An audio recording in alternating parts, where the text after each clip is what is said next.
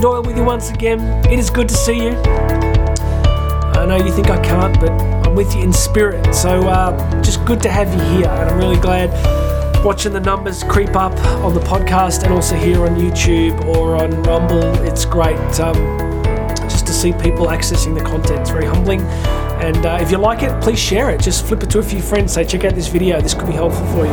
Um, please subscribe. The subscribe button here. I know regular listeners get tired of me telling you this every day, but it does make a difference. So please hit that subscribe button, hit the like button, notification bell, and uh, there is a free link here to my book, Bridging the Gap eight principles that I put into a book to really get your life moving forward, closing the gap between where you are and where you could be. So please hit that, get yourself free copy, and um, today, if you like what you hear, put in the comments because um, I want to do some content on what you want to hear about. So if there's a topic you want me to cover for you, please put in the comments. Let me know what you'd like a video on, and I'm going to go ahead and do that.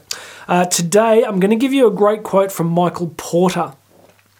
Michael Porter is a very famous economist and a very, very high end uh, business strategist, but an academic one. So he's got a huge following around the world as an academic anal- uh, sort of an academic strategist, and he and he writes brilliantly on the concept of strategy. So he's really big on how we deploy strategy in business. But I want to give you something today that we can apply to our lives. So let's do it. Let's hear from Michael Porter.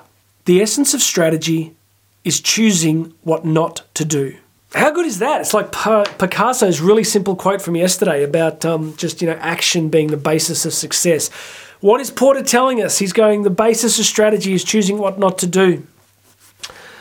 We live in this incredible world, don't we? Like, there's just so many options, right? Like, cast your mind back. Like, I, I, talk about this so often. As a species, we've been Homo sapiens for around about 350,000 years in global history, that's nothing. Like we've appeared at the very end of the timeline. Like I know that, you know, we, we look back at ancient Rome and we think it's an ancient, ancient civilization, which technically it is, but it's only 2,000 years ago, right? You know, we've been this species for 350,000 years.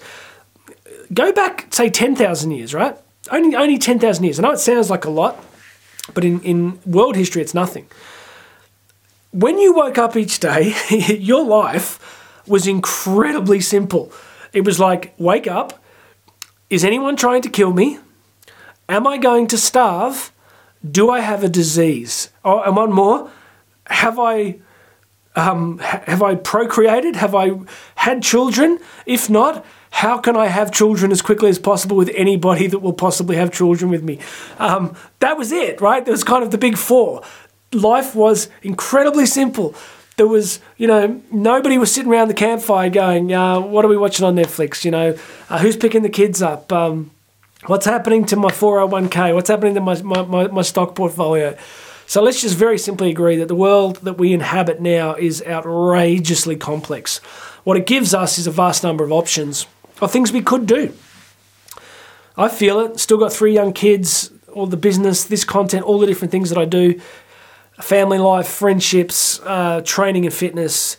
This is why today's quote so important. The basis of strategy is choosing what not to do. I've been really thinking about this a lot recently because my kids have hit an age where they need a lot more. Like we've always given them a lot of time and energy and love and presence, but they're in that early teen phase now where they really need a lot more coaching and mentoring and and talking and friendship and guidance and um, and helping them make that journey as we throw them out of the house, kick them out, lock, change the locks. No, as we encourage them into the world of young adulthood.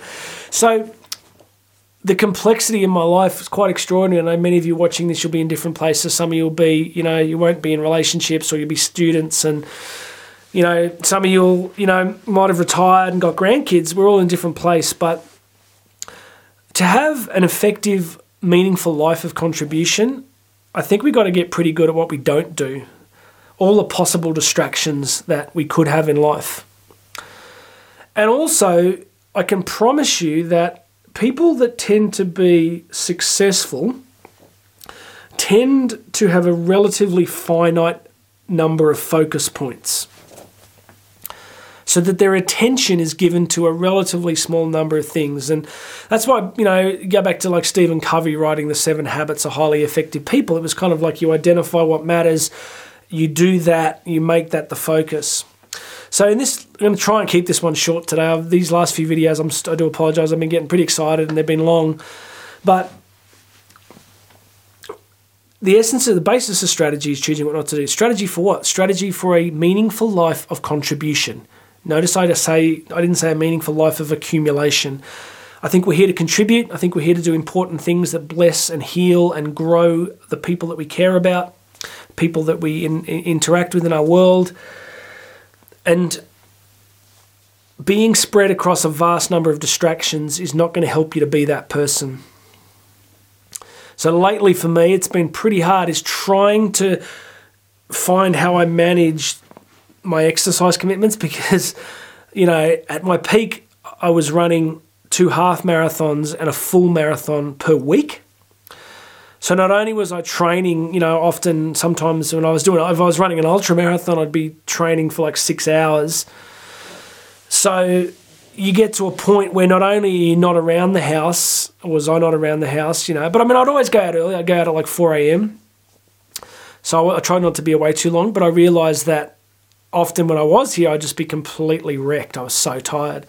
So I kind of learned that I had to change my strategy. I had to I begin to identify things I had to let go of and things I needed to do less of, which I've have found challenging. But in terms of my life strategy, which is contributing to you guys and to my family and to trying to grow and develop, I've had to learn to say no to some things that have been a part of my life for a long time, and um, and just recalibrate them, just do them a bit differently. And I'm not particularly good at that. I'm kind of a real black and white guy. I'm like either running an ultra marathon or I'm not running. It's like one of those two. Karen Karen would tell you that. I'm just like I'm all on or I'm all off. I, uh, I've just accepted that about my personality.